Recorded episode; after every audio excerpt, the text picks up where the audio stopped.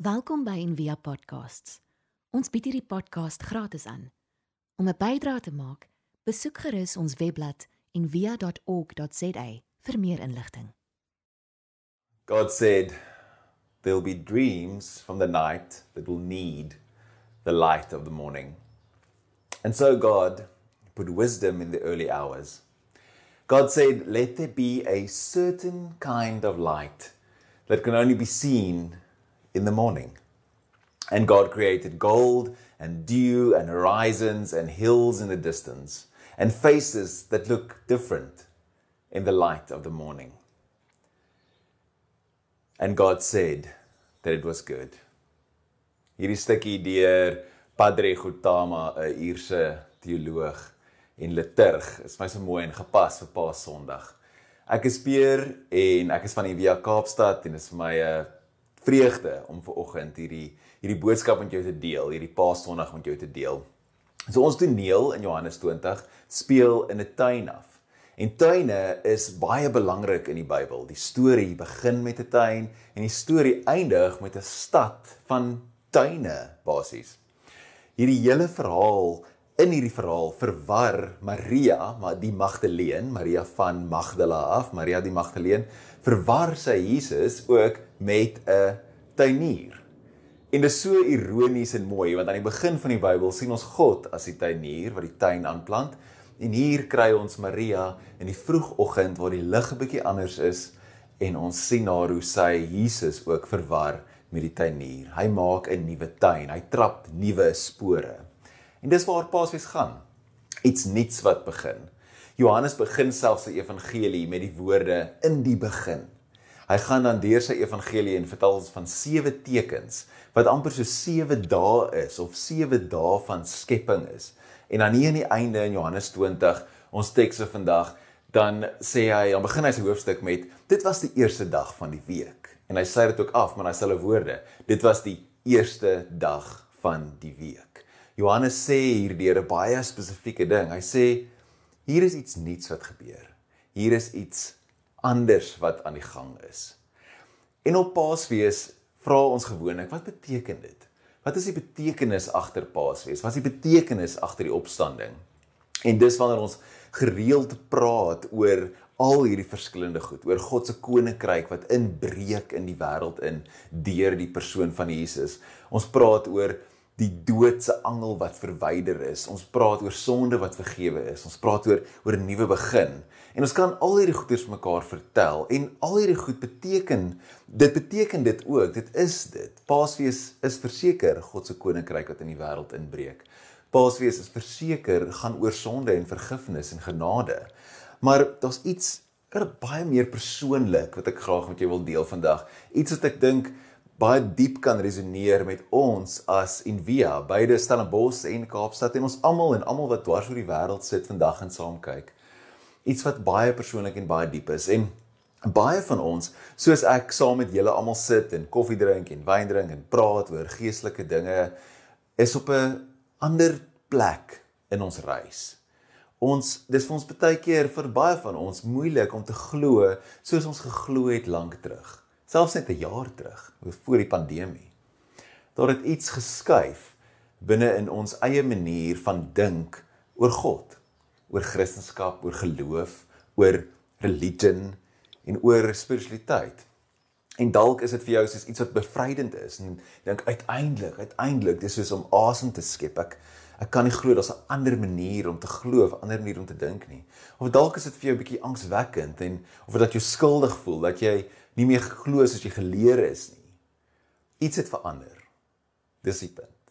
Ek weet in baie van ons, het baie in my en julle het iets verander. Iets is nou anders. Soos ek ons almal deel is van hierdie gemeenskap. God is dood. Maar God leef. En ek dink die hele Paasnaweek praat oor God wat dood is, God wat gekruisig is. Net soveel as wat dit praat oor die God wat lewe. En dit praat oor dat hierdie twee nie heeltemal dieselfde is nie. Jy sien reg in die middel van hierdie verhaal kry ons 'n baie vreemde toneel. Maria erken vir Jesus uiteindelik. Sy dink eers hy's die tuinier en wanneer sy hom erken, wil sy hom vasgryp.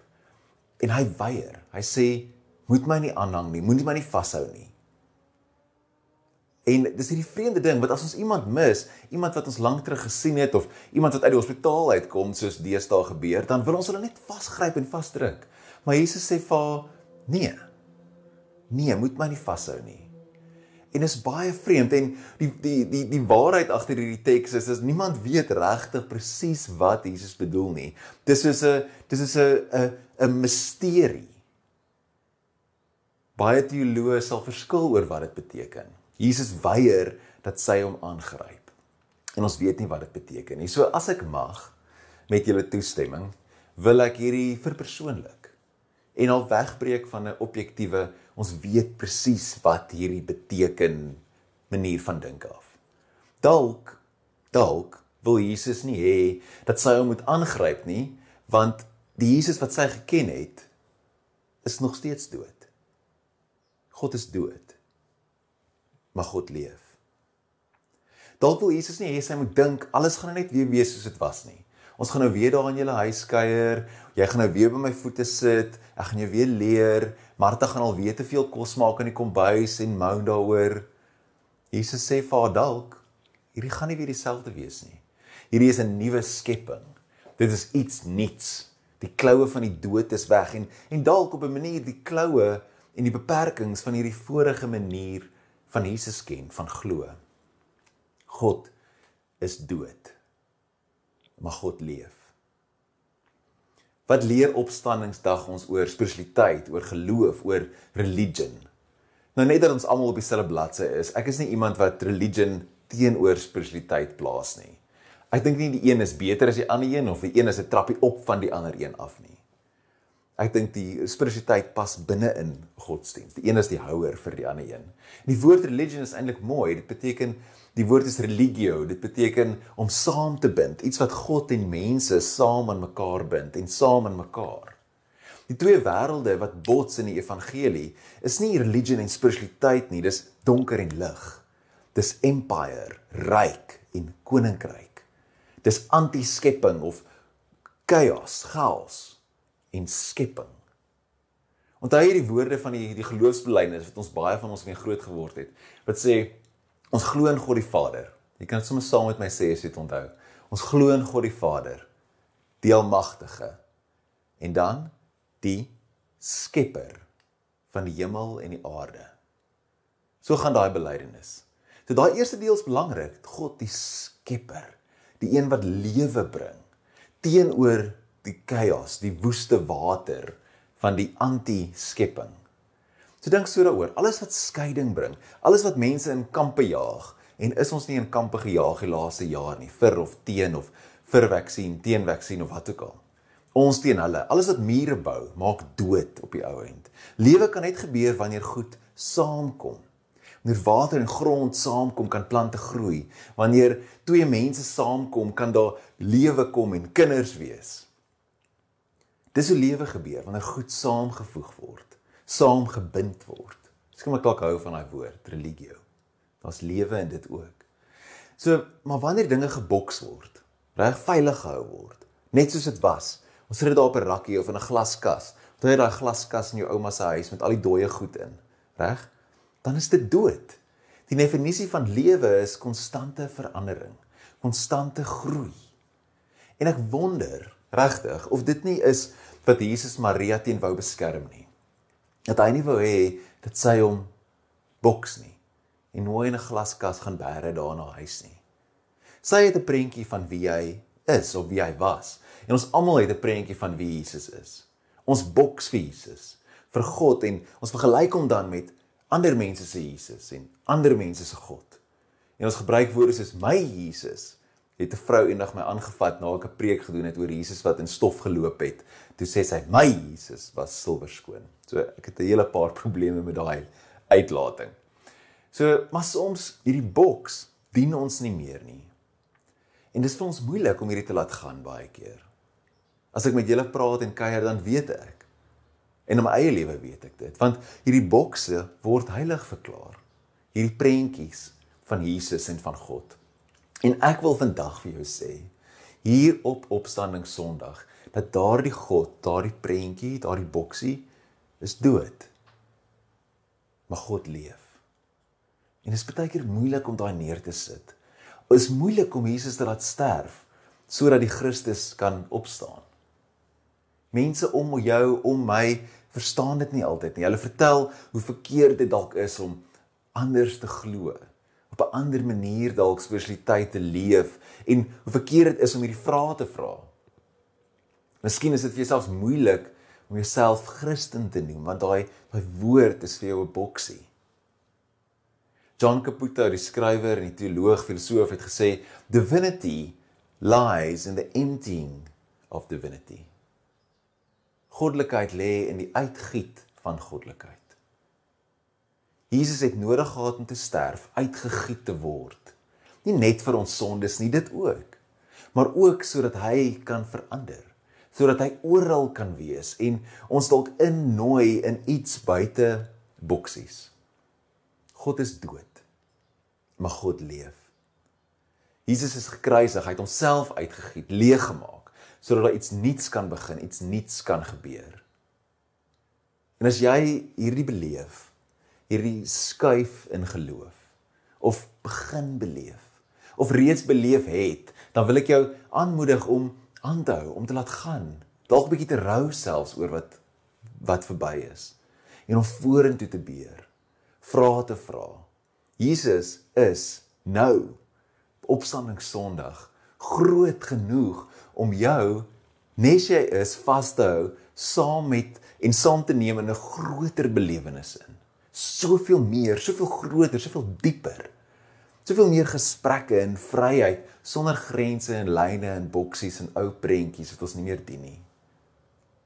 Rilke, die filosoof het geskryf, "Be patient toward all that is unsolved in your heart and try to love the questions themselves like locked rooms and like books that are written in a very foreign tongue." Wees lief vir die vrae. Questions send you on a quest. Daar's hierdie fantastiese toneel in The Matrix. Die Kaapstad mense sal lag want ek quote Matrix amper meer as Paulus. Sê waar Neo amper uit die kar uit klim, die hoofkarakter en hy wil weggaan, weg van hierdie ding nou wat hom nou hierdie avontuur, wil wil wil weggaan.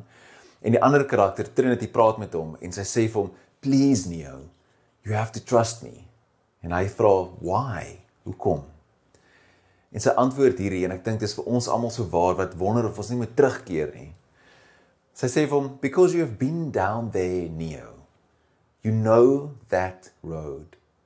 You know exactly where it ends. And I know that's not where you want to be." Jy ken daai pad. Die pad waar die waar die ou uitgediende prentjie eindig. En ek wil nie hê jy moet weer sin toe gaan nie. Ek dink nie God wil hê jy moet sin toe gaan nie. Ek dink God trek ons altyd vorentoe. Hy's die een wat vooruit beweeg. So miskien los ek jou vandag met meer vrae as antwoorde. Dis goed. Wees lief vir die vrae. Maar ek wil vir jou sê die nuwe het begin. Die oue wat jy dalk al van klaar afskeid geneem het of sukkel om te laat gaan is verby. Ek wil jou los met hierdie hierdie groot Christus. Die Christus aanderkant goeie Vrydag, die Christus aanderkant stil Saterdag. Die Christus wat Paulus oor sing in Kolossense 1. Hy is die beeld van die onsigbare God, die eersgeborene van die hele skepping. Hy is voor alle dinge en hy hou alle dinge in stand. Want dit het die Vader behaag dat in hom die ganse volheid sal woon. Groter as ons prentjies. In kort. Dis oukei. Okay. Jesus is nou groot genoeg. Oral genoeg om jou en jou geloof of selfs wat jy dalk voel is ongeloof vas te hou. Amen. Kom ons bid saam. Dankie Here dat U ons nooi in 'n nuwe skepping in. Dat U vir ons meer het as boksies en prentjies en grense, maar 'n vol lewe saam met U wat oral is. Ons loof U naam. Amen.